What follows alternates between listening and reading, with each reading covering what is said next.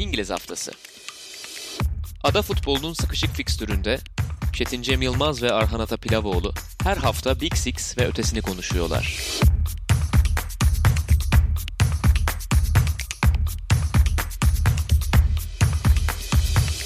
Sokrates Podcast'e hoş geldiniz. Premier Ligi konuştuğumuz İngiliz haftasına hoş geldiniz. Ben Çetin Cem Yılmaz, Arhan Atapilavoğlu ile beraber Premier Lig'in 6. haftasını değerlendireceğiz. Üst tarafın yine karıştığı e, ilginç bir hafta oldu. Geçtiğimiz haftalarda hep lig çok gollü başladı diyorduk. Çok fazla işte penaltılar, goller, geri dönüşler vardı. Bu hafta artık yavaş yavaş sanki biraz ortalamalar kanunu gereğince skorların düşmeye başladığı haftaya denk geldik. Çok sayıda 1-1, 1-0, 0-0 söz konusuydu. Bu 1-0'lardan bir tanesiyle başlayalım dedik biz de. En gündemdeki biraz daha en problemli görünen büyük kulüplerden bir tanesi Arsenal. Leicester City karşısında 1-0 kaybetti. Hani Leicester City'ye yenilmek belki çok büyük bir kriz olarak görünmeyebilirdi ama Arsenal'da sanki bazı problemler ayyuka çıktı gibi özellikle hücum anlamında takımın üretkenlik problemleri anlamında ve maçın başında iyi oynadılar belki hatta bir golleri sayılmadı falan ama yavaş yavaş Leicester City oyuna döndü ve sonradan oyuna aldığı iki oyuncusu Cengiz Ünder'in asisti ve Jamie Vardy'nin golüyle 3 puan aldı. Şu anda da Arteta tartışmaları alevlenmiş oldu. Arhan burada sana atayım pası. Arsenal'da bir kriz mi var? Balayı bitti mi? Yoksa hani bunlar büyüme sancıları mı? Abi açıkçasını söylemek gerekirse ya balayı bitti mi? Bitmiş olabilir ama bu balayının zaten işte 30 gün 30 gece işte devre alem olacak gibi bir beklentimiz yoktu açıkçasını söylemek gerekirse. Çünkü bu kadronun biz sene başında konuşurken zaten ilk dört adayımız değildi Arsenal. Olması da çok zordu. Çünkü bu kadronun Arsene Wenger bıraktıktan sonra görevi Emery başlangıcında da arada Lundberg'de de ve Arteta'nın geçen sezon ilk başladığı dönemde de e, sorunlu bir yapıda olduğunu biliyorduk. Hatta belki ilerleyen dakikalarda konuşuruz. Bir Mesut Özil probleminin yaklaşık iki buçuk senedir devam ettiğini de e, konuşuyorduk, biliyorduk. Böylesine çok fazla hücum gücü olan belki bireysel olarak Avrupa'nın en iyi takımlarında e, zirve performanslarında olduğu zaman oynayabilecek oyuncular var. İşte Lacazette zaten kulüpten en pahalı transferiydi geldiğinde. Mesut, Aubameyang gerçekten çok güçlü bireysel oyuncular ama kadro mühendisliğinde profil olarak baktığınızda birbiriyle çok fazla çakışan ve çok fazla verim alamadığınız oyunculardan kurulu bir takım Arsenal. E bunun da çok uzun vadede hatta ben ilk programda şey demiştim. Arteta'nın biraz daha fazla transfer dönemi geçirmesi lazım ki istediği kadroyu kurabilsin. Ha böyle bir krediye sahip mi değil mi onu göreceğiz. Bu yüzden bu sorunlu yapıda bir şeyler çıkartması ve bir şeyler vaat etmesi bile önemliydi bana sorarsan. Bugün işte Leicester maçında da o yine biraz ufaktan farklı bir şeyler denedi. E, Grant Xhaka'yı sol stoper gibi yaptı ve Leicester'ı beklerken biraz 5-2-3 gibi o 3-4-3'ü 5-2-3'e çevirerek bekledim. Ama genel olarak benim Arsenal'da gördüğüm en büyük sorun ne diye soracak olursan bir yaratıcılık eksikliği var Arsenal'da. Ya zaten işte Aubameyang mesela bugün sağ, e, son maçta sağ kanatta oynadı. İşte her zaman sol kanatta oynadı çünkü Forvet'te Lacazette'in bağlantı oyununun e, değerini her zaman söylüyor Arteta. Komple bir pakete bakınca Aubameyang, Lacazette, Nicola Pepe ya da işte Bukayo Saka ya da Willian evet bunlar hücumcu oyuncular. Evet bitirici oyuncular ama baktığınızda işte ceza sahası içerisine koşu atan oyuncu var mı Arsenal kadrosunda? Yok. Hani o Jack Wilshere'li Aaron Ramsey'li kadroları hatırlıyorum. İnanılmaz fazla ceza sahasına koşu atan bir yapı vardı Arsene Wenger döneminde. Tek başına topu alıp geçiş hücumunu yapacak ya da işte hani Mesut Özil'in her zaman hayal edilen ya da şu an işte Kevin De Bruyne'nin gibi inanılmaz kilit paslar atabilecek bir oyuncusu var mı? Yok. Hatta yeri gelmişken şunu da ekleyeyim. Ligde tüm oyuncular arasında en çok kilit pas atan 40 oyuncu arasında Arsenal'ın 2 oyuncusu var.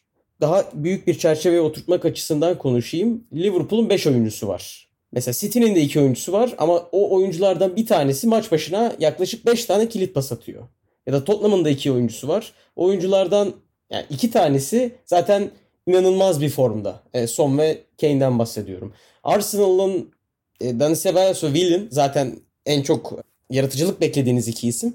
Bu iki ismin verdiği katkı da ne Son Kane gibi, ne Kevin De Bruyne gibi, ne Salah Mane gibi ya sadece gol katkısından bahsetmiyorum.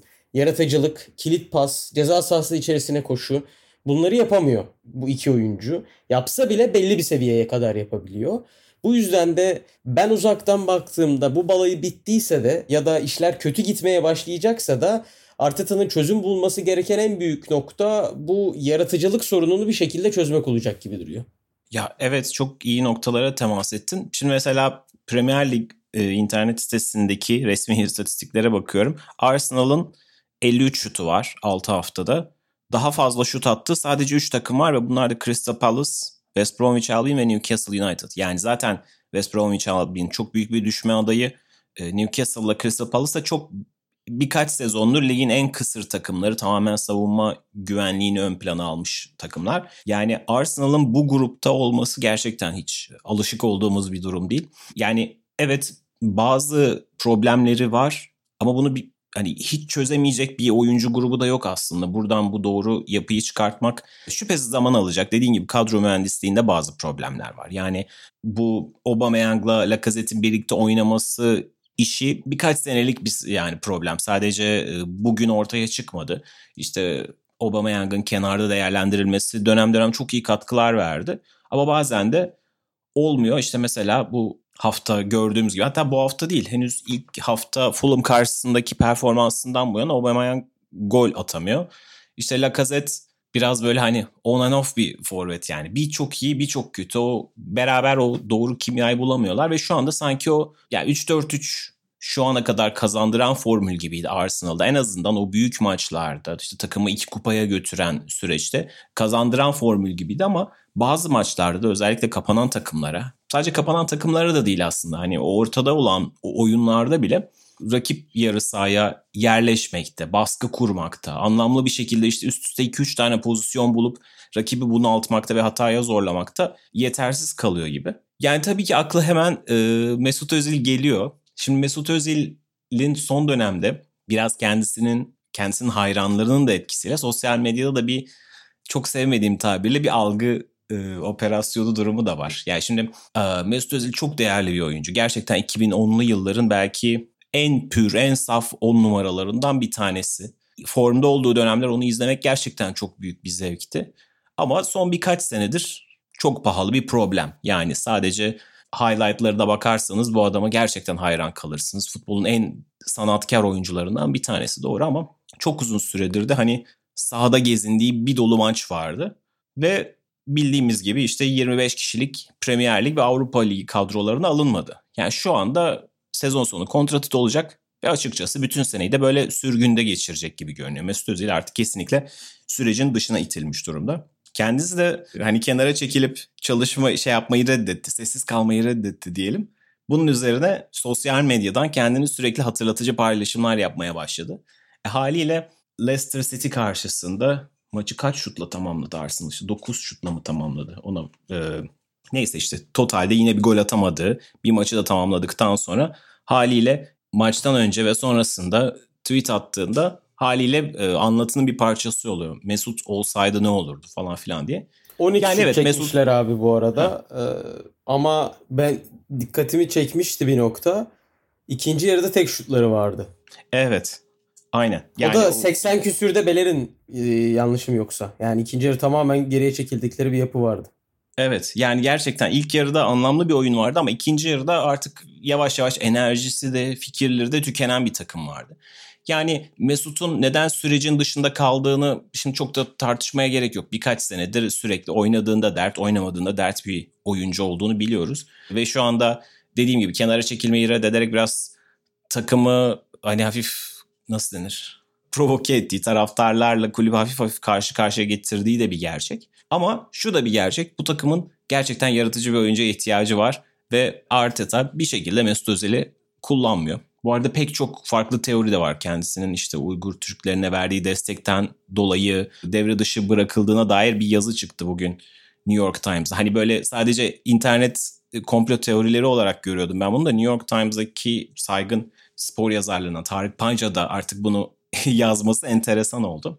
Neyse bu çok dallanıp budaklanacak bir konu ama gerçekten Arteta'nın Arsenal'ın bu üreticilik sorununu çözmesi gerektiği ortada. Bu maça dair bir de hani toparlamadan önce bir Leicester City tarafından da bakalım. Cengiz Ünder'i ilk haftalarda konuşmuştuk. Transferi ikimiz de çok heyecanlandırmıştı.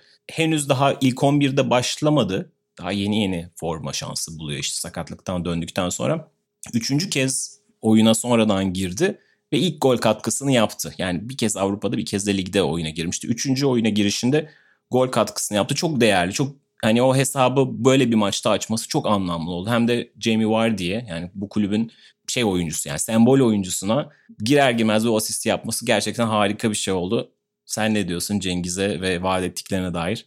Abi yani Çağlar'ın eksiklik, eksikliğinden sonra Leicester'ın o Türk kontenjanı olabilecek en yetenekli oyunculardan birisiyle doldurması gerçekten güzel bir şey. Cengiz Roma döneminde Barcelona'yı Roma'nın elediği dönemde gerçekten hani sene başında da Leicester ilk transfer olduğu zaman konuşmuştuk. Tavanı çok yükseklerde olan bir oyuncuydu. Ee, o zamanlar Arsenal, Tottenham ismi konuşulurken Cengiz'e Arsenal'da Tottenham'ın da yani Roma'dan sonraki adım olmaması gerektiği konuşuluyordu. İşte yaşadığı sakatlıklar ve Fonseca ile anlaşamaması onu birkaç adım geriye düşürse de doğru zemini bulduğunda ve bunu eğer Premier Lig'de yapabilirse işte Çağlar'ın Van Dijk'la birlikte senenin en iyi stoperleri arasında girdiğini biliyoruz. Gerçekten o zemini Premier Lig'de inşa edebilirse doğru bir zemine tekrardan o Arsenal Tottenham'ın seçenek olmaktan çıkacağı bir profile bürünebilir. İnşallah da öyle olur. Evet hem e, Leicester'ın sakatlıklardan dolayı problem yaşadığı bir dönem. Biz aslında e, pek çok kulüp sakatlıklarla problem yaşıyor. Yani sadece Leicester'a özgü bir durum değil. İşte geçen hafta Liverpool'un Van Dijk olayını da zaten uzun uzun konuştuk. Arsenal'da mesela Willian sakat, David Luiz maç ortasında sakatlandı. Pek çok kulüp bir de üzerine Avrupa'da oynayanlar için iyice e, zorlu. Çünkü şu anda Şampiyonlar Ligi'nin geç başlamasından dolayı yine normal şartlarda Aralık'ta bitirmek için hafta hafta her hafta oynanacak. Yani birkaç hafta en azından böyle üst üste haftalar var. Bir de üzerine milli maç takvimleri falan. Bir de zaten bir pandeminin ortasındayız oyuncular. Virüs kapabiliyorlar. Ee, bütün kulüplerin eli kolu biraz bağlanıyor. Tabii bu yüzden Leicester City ideal 11'inden oldukça uzak çıktı. Harvey Barnes'ı işte sahte 9 başlattılar falan ama işte oyuna sonradan girip Cengiz'in e, asisti gerçekten çok değerli oldu. Maç sonu röportajlarında Vardy'nin Cengiz'den hatta Cengo diye bahsederek asistini övmesi. İşte Dazon'da da Ian Wright'la Alan Shearer yorumcuydu. Alan Shearer'ın goldeki hem Tielemans'ın çıkış pasını hem de Cengiz'in asistini övmesi. Hani bunlar hiç kolay paslar değildir. Çok temiz bir ortaydı diye özellikle altını çizdi. Çok değerli ve keyif vericiydi diyelim. Arsenal'ın komşusuna dönelim. Tottenham'da pazartesi gecesi oynadı. Haftanın son maçıydı. Burnley deplasmanında zor da olsa yine çok açıkçası çok renkli bir oyun değildi belki ama kazanmayı bildiler 1-0'la. Kalelerinde bu sefer tehlikeler de yaşadılar yine. Ama hani Newcastle ve West Ham maçlarındaki gibi en azından bir geri dönüşe izin vermediler. Bu sefer kapıyı kapattılar. Bu anlamda sanki değerliydi ve 5. sıraya tırmanmış oldu Tottenham. Sen nasıl buldun Tottenham'ı bu maçta? Abi ya West Ham ben Burnley maçının ortalarında ilk baktığım şey şu olmuştu. Ya bu maçı kazanabilirlerse West Ham'ı da kazansalardı ne olurdu diye bakmıştım. 13 puanla işte liderlerle puanını eşitlemiş durumda olacaktı Tottenham. Gerçekten hani Carlos Vinicius'u çağırıyordu. Tam o sıralarda gol geldi. Ya, o kadar önemli bir 3 puan ki bu. Geçen sene kaybettikleri puanları düşününce hani All or Nothing'den hep örnek veriyoruz. All or Nothing'de de sıkça bahsediyordu Jose Mourinho. Çok önemli bir maç. İşte 6 puanlık maç farkı ne kadar indirdiğimizi gösteriyor. Bence bu dönemlerde e, takımlar yavaş yavaş form durumlarını bulmaya başlamışken, form seviyelerini yükseltmeye başlamışken Tottenham'ın olabildiğince zirveye yakın olması işte 38 haftanın sonuna geldiğimizde ne kadar yakın olacağının bence bir göstergesi olacak gibi duruyor. Ve hani bu maçın aslında çok e, Mourinho zaten basın toplantısında da söylemişti maç öncesinde. Öyle 4-5-6 gol attık evet geçtiğimiz maçlarda ama bugün burada öyle çok fazla gol beklemiyorum. Hani ne bizim tarafımızdan ne onların tarafından demişti. Ki gerçekten 65-70 dakikaya kadar e, çok durağan, çok statik oynanan bir maç vardı. Gerçekten tempo çok düşüktü ki zaten Burnley'e karşı tempo isteseniz de çok fazla yükseltemiyorsunuz. Tottenham da inanılmaz yüksek tempolarla oynayabilen bir takım değil ama böylesine geçen hafta sıkıntı yaşanmış bir maçtan sonra böylesine zorlu bir deplasmanda bu 3 puanı almak gerçekten Tottenham için çok ama çok iyi işaret ki yine bana sorarsan abi kötü de oynayarak bu maçı ya nasıl kazandılar diyeceğim bir maç kesinlikle değil. Zaten hani Burnley'e karşı dediğim gibi ya 5-0 kazanabiliyorsunuz bazen evet ama o maçlarda da genelde 5 kere gidiyorsunuz ya da 6 kere gidiyorsunuz onlar gol oluyor. Çünkü Burnley gerçekten zor bir deplasman. Tottenham'da hani Harry Kane'in inanılmaz üretken olamadığı ilk ilk birkaç dakika vardı. Stoperler onunla birlikte gelmemişti, derine inmemişti. Farklı bir şey denemiş Şandayk. Gerçekten çok değerli bir 3 puan kazandılar.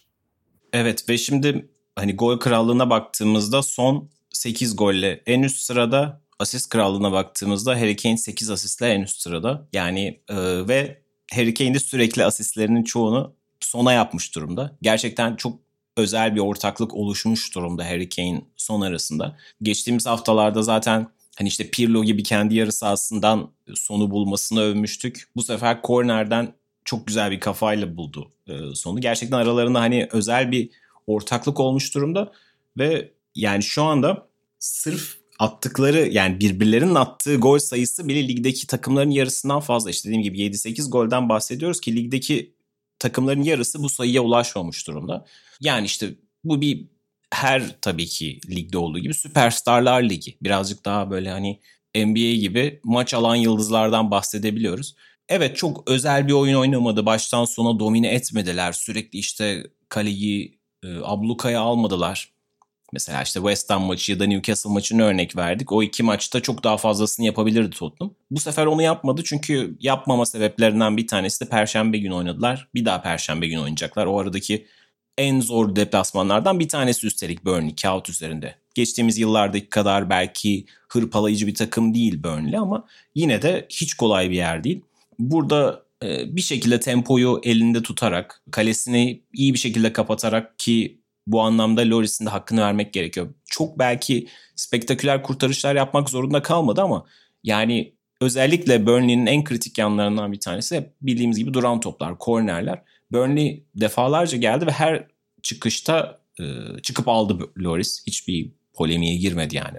Rakibe kapıyı açmadı. Ve bir noktada Tottenham fırsatını bulacaktı ve buldu ve attı.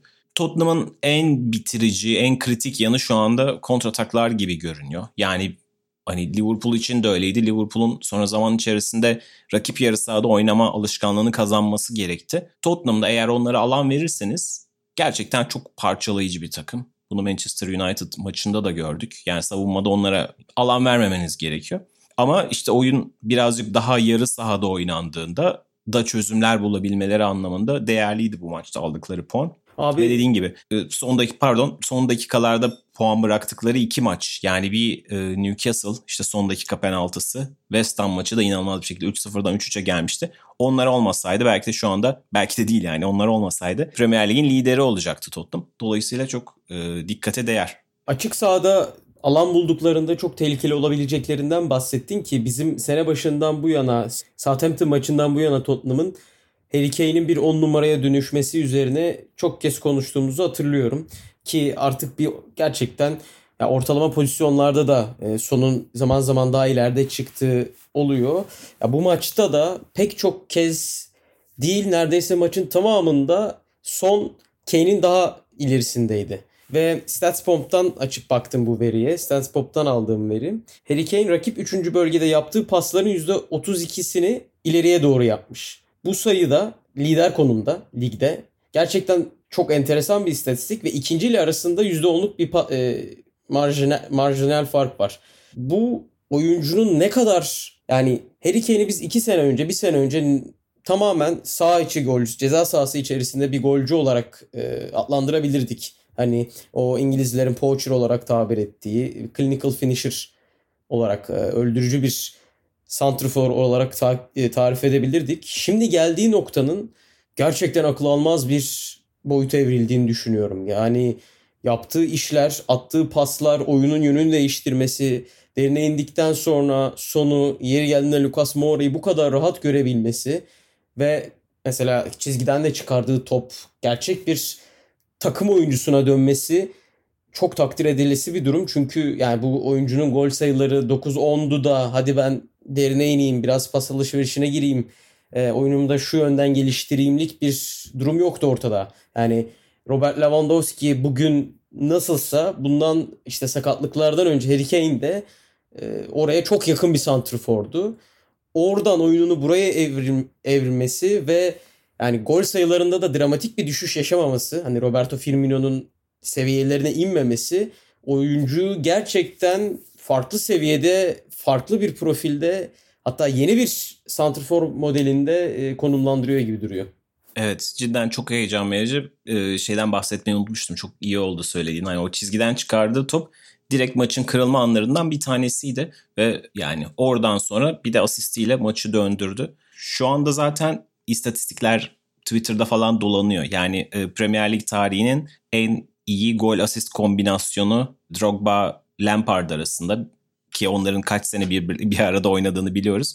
İkinci sıraya yerleşmiş durumda şu anda Son ve Kane. Yani böyle giderlerse de geçecekler. Daha ligin 6. haftasında 7-8 tane e, birbirlerine yaptıkları asistten bahsediyoruz. Dolayısıyla izlemeye değer görünüyor. Yani şu an açıkçası ligin zirve adayları arasında en hazır, en iyi işleyenlerinden bir tanesi. Belki de birincisi konumunda şu anda görünüyor Tottenham.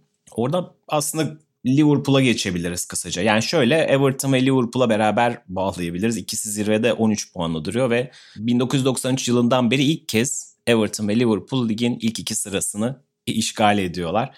Böylece Everton zaten oradaydı. Liverpool ikinci sıraya yükselmiş oldu. Sheffield United'ı yenerek. Everton da Southampton deplasmanında yenildi. Lig, bu sezonki ilk yenilgisini aldı.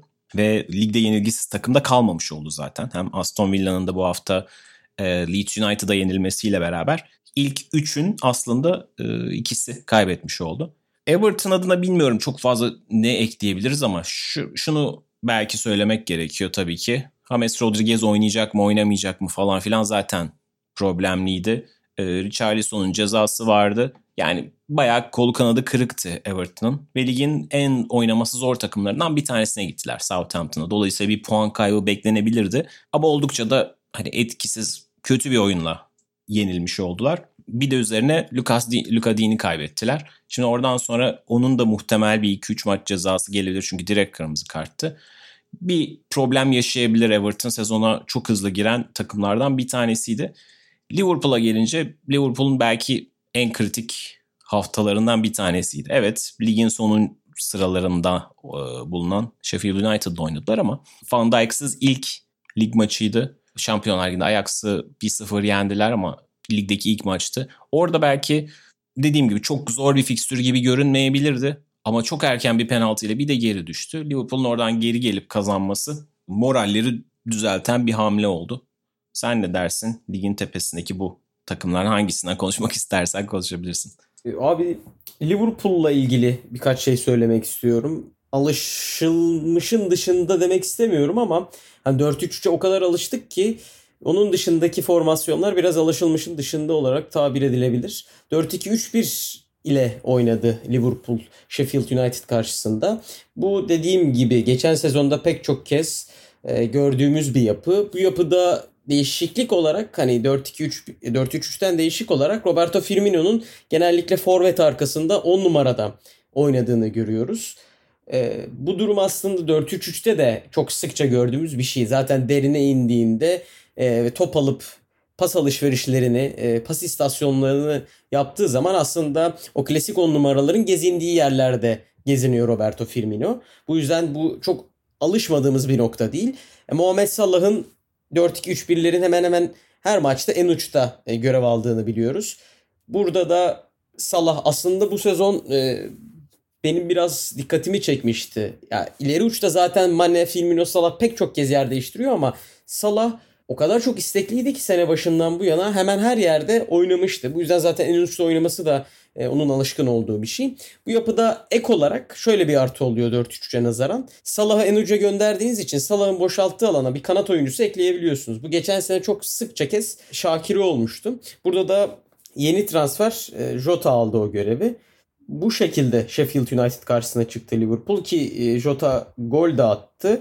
Bence bunu yapmasının sebebi yani Thiago'nun eksikliği ki Keita'nın eksikliği. Böyle olunca da Sheffield United orta sahada çok iyi basan, santrforlarıyla birlikte de baskıyı çok iyi yapabilen bir takım. Klopp stoperde Fabinho'yu değerlendirince işte Jordan Anderson, Wijnaldum, orada Thiago olsa belki bu 4-2-3-1 ile çıkar mıydı emin değilim ama Thiago'nun olması, Keita'nın o hatlar arasında koşu yapabilecek bir oyuncunun olmaması o orta saha bloğunu Firmino ile açma fikri yaratmış olabilir ona. Bu yüzden Firmino'yu on numaraya çekip dediğim gibi Salah'a en Jota'yı sağ koydu ki Jota'yı tanımlayacak en önemli özelliklerden birisi presi. Sheffield United'a karşı da iyi pres yapabilmek, e, onları maça hiçbir şekilde sokmamak önemli bir detaydı. Bu şekilde Jurgen Klopp bence doğru bir planlamayla zor da olsa doğru 3 puanı aldı.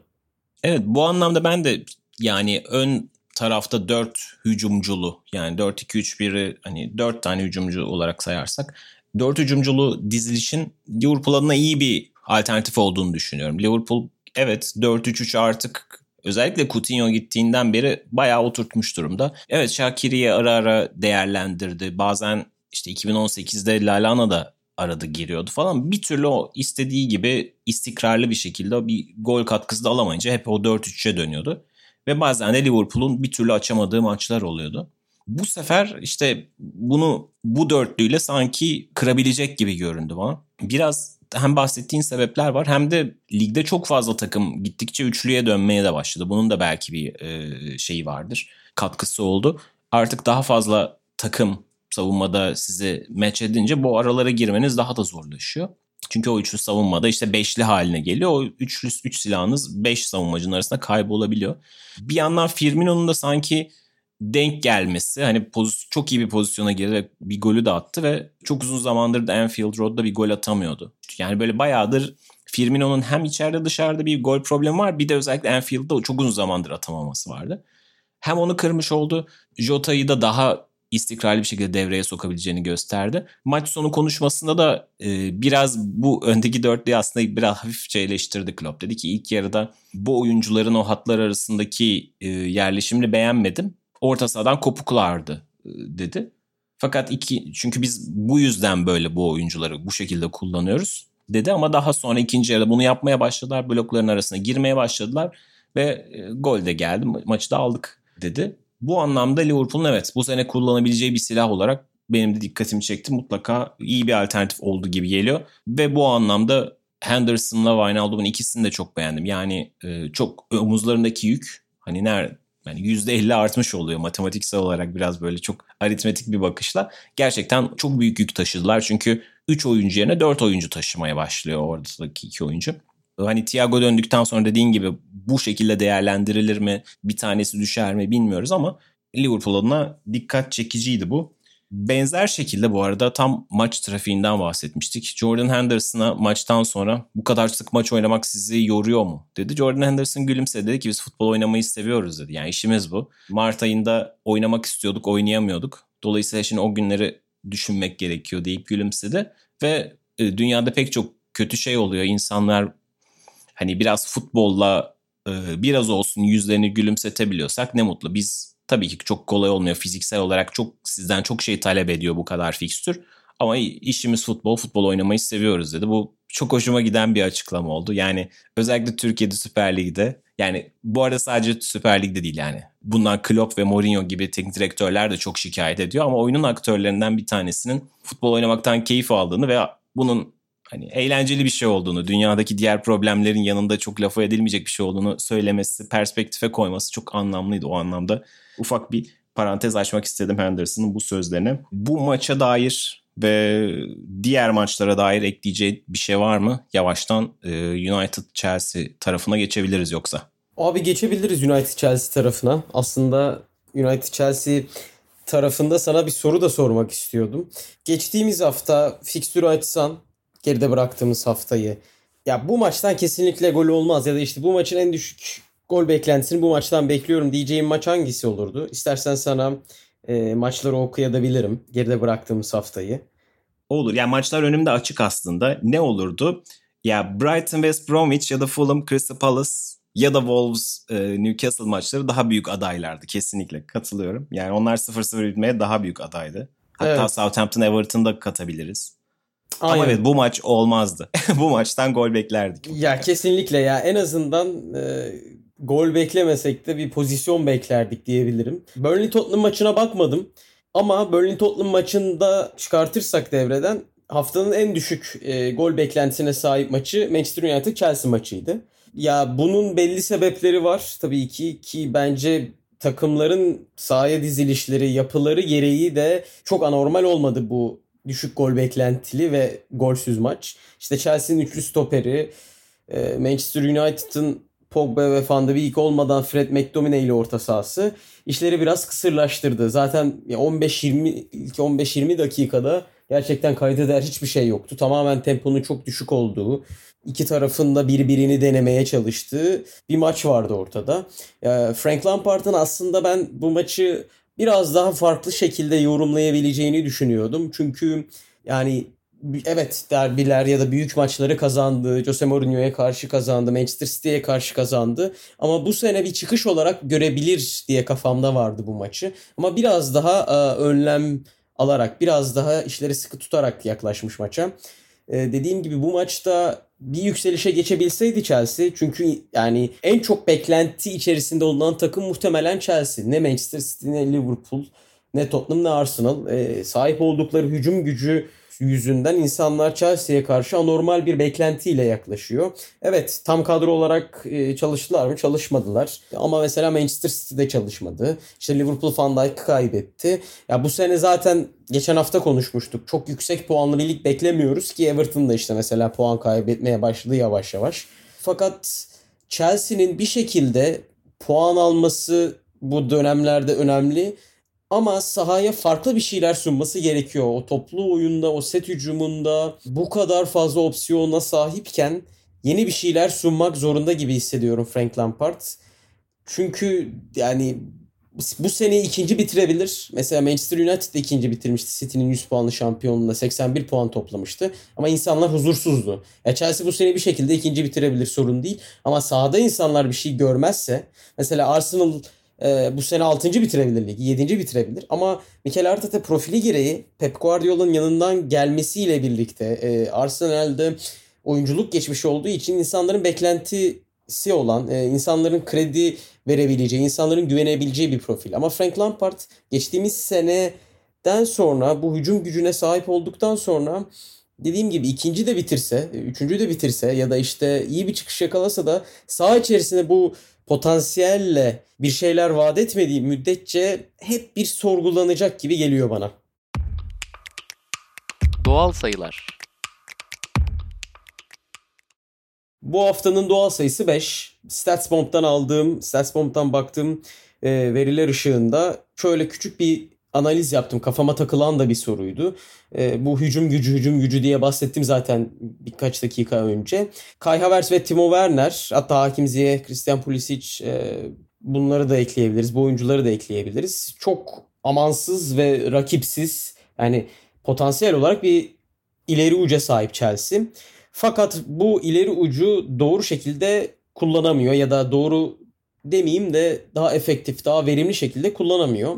Geçen sene Timo Werner ve Kai Havertz'in e, rakip ceza sahası içerisinde topla buluşma sayılarına baktım.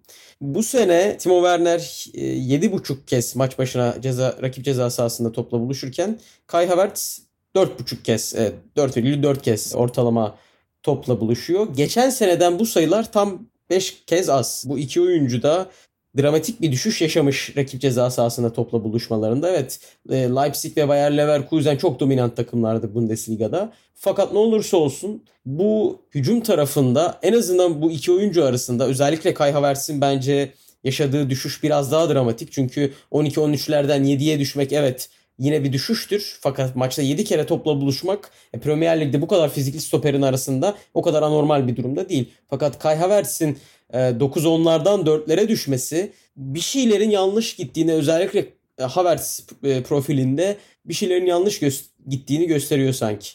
Yani evet dediğini destekleyen birkaç şey daha var. Yani Chelsea'nin hücum konusundaki kısırlığı yani bunlar tabii ki bu gol atsın ya da pozisyon yaratsın diye çok büyük paraları getirilmiş oyuncular. İşte Werner'den bahsediyoruz, Havertz'ten ve işte Ziyech'ten diğerlerinden de. Ama bunlar sonuçta belli bir oyun planının, bazı işte paternlerin sonucunda da pozisyona girecekler. Sadece bu oyuncuları o işte sahaya atmakla olmuyor.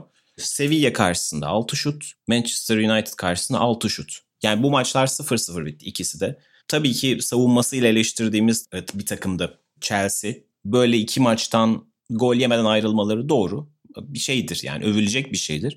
Ama bu iki maçta toplam e, XG'leri bir bile etmiyor. E, Manchester United maçında 0.3, Sevilla maçında da benzer o civarlar tam. Şimdi notlar arasında vardı ama yani bu gerçekten Chelsea statüsündeki bir takım için çok kabul edilebilir bir hikaye değil. Yani bunun çözülmesi gerekiyor. Evet o maçta da 0.4'müş. Yani iki maçta bir bile etmeyen 0.7. İki maçta bir gol çıkaracak pozisyonu bile üretemeyen bir Chelsea'den bahsediyoruz. Şimdi tabii sürekli savunmasını eleştiriyorduk. Bu sefer işte 3-3'ler 4-2'ler havada uçuşuyordu. Ama bir yandan da bu sefer de bir kısırlık baş gösterdi. Tıpkı Arsenal için konuştuğumuz gibi. İşte belki hani bir tarafı kapatınca öteki taraftan açık veren hani o havuz vardır ya bir yerden doldurursunuz diğer delikten boşalır falan.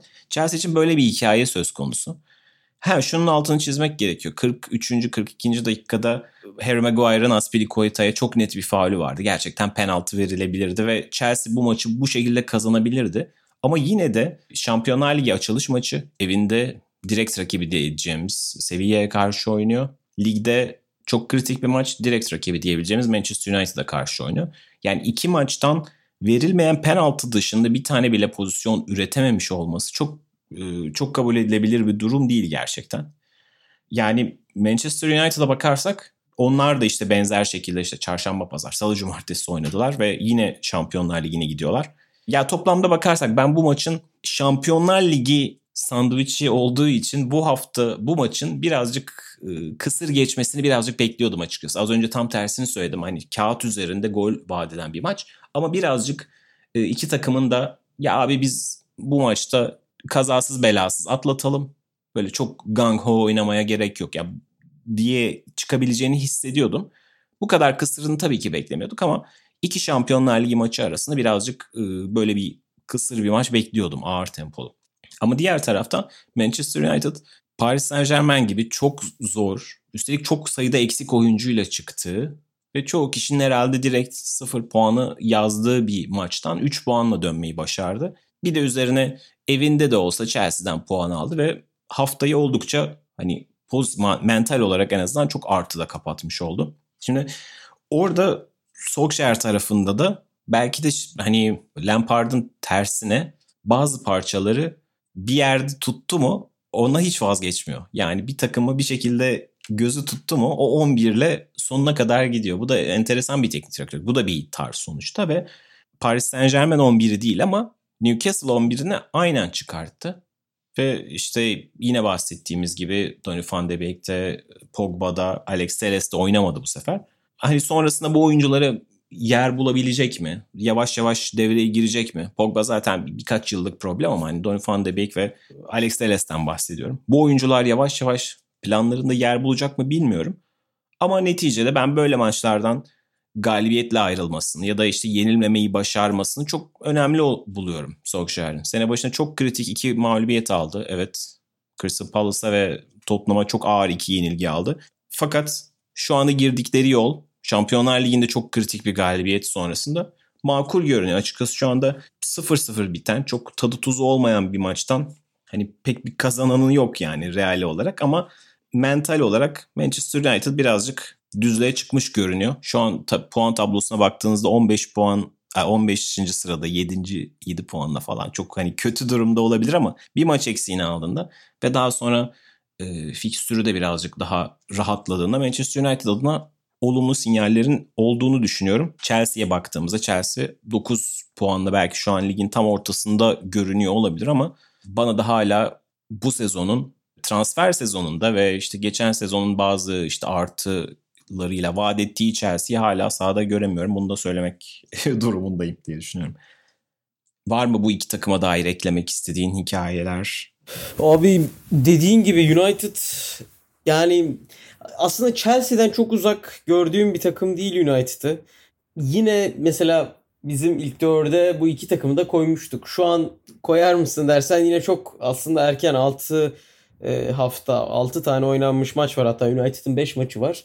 Ama iki takımın da ortak noktada paylaşabileceğimiz bir yer varsa ikisinin de hala biraz zamana ihtiyacı oldukları bu bir. ikincisi de o sahip oldukları kadronun nasıl yapılandırılmaya gideceği. Yani evet Timo Werner var. Evet işte Havertz Ziyech var. Diğer tarafta evet Cavani var. Donny van de Beek var. Pogba var. Bruno Fernandes var. Rashford var. Bu oyuncular bireysel olarak çok yetenekli, çok tehlike yaratabilecek oyuncular rakipler için. Fakat onları doğru şekilde konumlandırabilmek, işte Arsenal'da biraz bahsettiğimiz o doğru mühendisliği yapabilmek, sahada doğru şeyler çıkartabilmek gerçekten kolay olmuyor. Ama ben her ne kadar Chelsea'nin çok güçlü bir, çok potansiyelli bir kadroya sahip olmasına rağmen geçen sene pandemi dönüşü gördüğümüz ve büyük hedefli maçlarda gördüğümüz Manchester United'ın nedense biraz daha Chelsea'nin önünde olduğunu hissettiriyor bana o United. Evet yani kağıt üzerinde baktığımızda Chelsea'nin tavanı daha yüksek belki oyuncu kalitesi anlamında ama e, hala işte mesela böyle bir maça 7 tane savunmacı tabii hani Jorginho'yu ne kadar savunmacı sayabiliriz falan filan ama 3 tane hücumcu 7 tane savunmacı gibi böyle bir ayrım göze çarpıyor Chelsea'ye baktığımızda. Hani bu anlamda çözmesi gereken bu gibi geliyor. United'ın belki bazı açılardan çok e, alternatifli zengin bir kadrosu görünse de bazı pozisyonlarda hala çok eksik. Dolayısıyla tavanı çok yüksek olmasa bile en azından ne oynamaya çalıştığı daha net görünüyor. E, bu anlamda bana da hani şu anda ilk 6 sıralamamızı, ilk 4 sıralamamızı yaptığımızda artık Tottenham'a ilk 4'e koymamak mümkün olmaz. Dolayısıyla hangisini düşerdim? Herhalde Chelsea'yi düşerdim. United'ı tutardım diye düşünüyorum. Ama şu anda hani Everton'ın da e, bu formunu düşününce onları da çok kesin diyemiyorum. Yani şu an ama her şey olabilir. Yani şu anda e, Liverpool'un da düşmeyeceğini şey yapamayız. Garanti veremeyiz. Tottenham'ın da çünkü ligde her şey olabiliyor şu anda. İlginç bir sezondan geçiyoruz. Ha bu arada Chelsea için şöyle bir parantez açalım. Hiç mi iyi şey olmadı? Ee, bir kalecileri var artık diyebiliriz herhalde. Mendy evet. yani gerçekten Chelsea'yi oyunda tuttu. Çok kritik kurtarışlar yaptı özellikle ikinci yarıda. Bu arada Cavani de ben söylemeyi bile unutmuştum yani şimdi. Cavani de girdi ve İngiliz basında nedense Cavani böyle çok yaşlı, sakat falan filan diye çok önemsenmiyordu ama ben yani İbrahimovic'in yaptığına benzer bir katkı verebileceğini düşünüyorum. Belki daha, dakikaları daha az olacaktır çünkü ön tarafta daha fazla e, rekabete gireceği oyuncu var ama yine ben benzer şekilde kritik goller atacağını ve devreye gireceğini düşünüyorum Cavani'nin. Günlerin köpüğü Günlerin köpüğü de Manchester United'dan ama Manchester United'ın yıldız oyuncusu Marcus Rashford'dan ama onun sahada değil saha dışında yaptıkları ile ilgili olacak. Kendisi pandemi döneminde özellikle Boris Johnson hükümeti İngiliz Başbakanı Boris Johnson hükümetinde hani karşına karşısına alma pahasına çok önemli bir çıkış yaptı. Ee, İngiltere'de okullarda verilen öğle yemekleri öğrencilere özellikle durumu yerinde olmayan öğrenciler için çok önemli olan öğle yemeklerinin kaldırılmasına e, tepki gösterdi kendisi.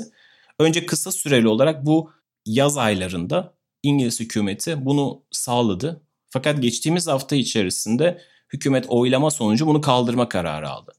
E, haliyle tabii ki sosyal medyada çok büyük tepki yarattı bu. Marcus Rashford da harika bir açıklama yaptı. Dedi ki yani hiçbir çocuk aç dönmemeli ve biliyorum ki bu çocukların her birisi önemli ve onların bir sesi yok. Ben de sesimi onlara vereceğim dedi. Yani şimdi söylerken bile tüylerim diken diken oldu. Çok basit ama çok vurucu bir cümle. Yani bir oyuncunun, bir starın platformunu böyle değerli bir şey için kullanması çok önemli. Ve bunun sonrasında bir inisiyatif yarattı ve e, çeşitli restoranlar, kuruluşlar, küçük yerel yönetimler ve insanlar devlet bunu sağlamıyorsa biz kendimiz sağlarız diye işte çevrelerindeki okullara yardım yaparak çocukların yemeklerinin tekrar e, verilmesini sağlamaya başladılar. Harika bir inisiyatif yarattı dediğim gibi ve bundan çok daha bana söylediği şey ise Marcus Rashford yaz ayları boyunca bunu konuşuyordu. Kendisinde çok e, hani fakir bir geçmişi var ve sadece bir anne e, annenin yetiştirdiği dolayısıyla işte onun ne şartlarda o çocuğun büyütüldüğünü çok iyi bilen bir çocuk. Bunu da unutmaması çok değerli. ve adeta bir hareketi sözcüsü oldu. Hani John Lennon'ın meşhur şarkısı Working Class, Class Hero gibi işte hani bir işçi sınıfı kahramanı haline dönüştü Marcus Rashford. Ve bütün bunların ötesinde her zaman sosyal medyaya giriyoruz. Her gün hepimiz artık. Pek çok negatiflikle doluyoruz.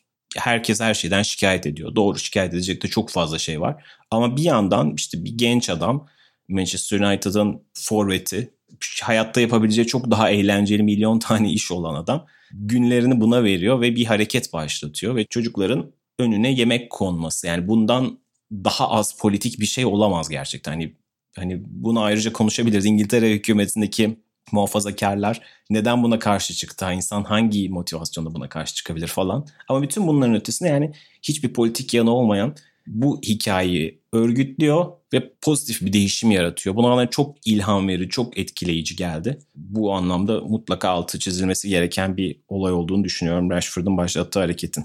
Abi çok güzel denk geldi. Ee, Twitter adresine bakıyordum çünkü biliyorsun çok aktif son günlerde bu olayın yayılmasında hangi şehirlerde hangi yerel restoranlarda bu yemeklerin sağlandığı ile ilgili çok aktif şekilde takip ediyor Marcus Rashford. Son olarak da şöyle bir tweet atmış. Yerel restoranlara, yerel işletmelere bugün kaç tane çocuğa e, öğün yardımında bulunduğunu sormuş ve gelen cevapları e, şu an anlık olarak retweetliyor. Gerçekten sayılara bakınca e, örneğin 700 var, 40 var, 70 var. İşin o dediğin politikadan ne kadar uzakta olduğunu ve ne kadar gerçekten bir ihtiyaç olduğunu ve insanların bu ihtiyacı görmediğini ya da görmek istemediğini, görmek istenilmeyen bir ihtiyacı bu kadar güzel şekilde insanların önüne sürmesi ve bu kadar bu işi genç yaşta yapması yani kelimelerle pek de anlatılması mümkün olmayan bir davranış. Evet kesinlikle. Yani bu yaz boyunca bunu çok gördük. Özellikle işte Black Lives Matter hareketi sonrası aslında birkaç senedir böyle ama sporcular gitgide daha da politik ve sosyal konularda daha e, cesur oluyorlar. Birkaç senedir hani bu tabii ki Colin Kaepernick'e kadar gider. Çok daha tabii ki spor tarihinde örnekleri çok fazla var. Çoğu zaman da bu oyuncuların, bu starların karşılaştığı şey ya bu işi bırak da sen işte topuna bak. İngilizce'de işte shut up and dribble, dribble, stick to sports, sporda kal falan filan gibi şeyler oluyor. Bunlar genelde tabii ki o oyuncunun aslında sporda kalmasını istemiyor da sen benim görüşlerime karşı bir şey söyleme anlamını taşıyor aslında bu tip hikayeler. Marcus Rashford'un da hala şeylerinde görüyorum yani mentionlarında böyle şeyler yazanlar var. Artık trollükten mi yapıyorlar bilmiyorum ama böyle insanlar her zaman var ama bir yandan da sporun bu tabii ki sadece politikada değil ama ne kadar büyük bir güç olduğunu, sosyal ve politik olarak ne kadar etkili olduğunu ve bunların kolay kolay hiçbir zaman birbirinden ayrılamayacağını, ne kadar işte bazı güç sahipleri bunu uzak tutmaya çalışsalardı bunun ne kadar sosyal olarak etkisi olan her şeyin politikte bir etkisi vardır ve bu kadar insanın tutkuyla bağlandığı, bu kadar yakından takip ettiği bir şeyin de haliyle politik etkisinin olmaması mümkün değil. Bütün bunları ortaya koydu ve çok pozitif bir fark yarattığı için ayakta alkışlama ihtiyacı hissettim Marcus Rashford'u buradan. Gerçekten çok özel bir şey yapıyor. Programı da böyle kapatalım biz. Dinlediğiniz için çok teşekkürler. Arhan ağzına sağlık. Aynı şekilde abi. Yeni haftada görüşmek üzere. Hoşçakalın. Kendinize iyi bakın. Hoşçakalın.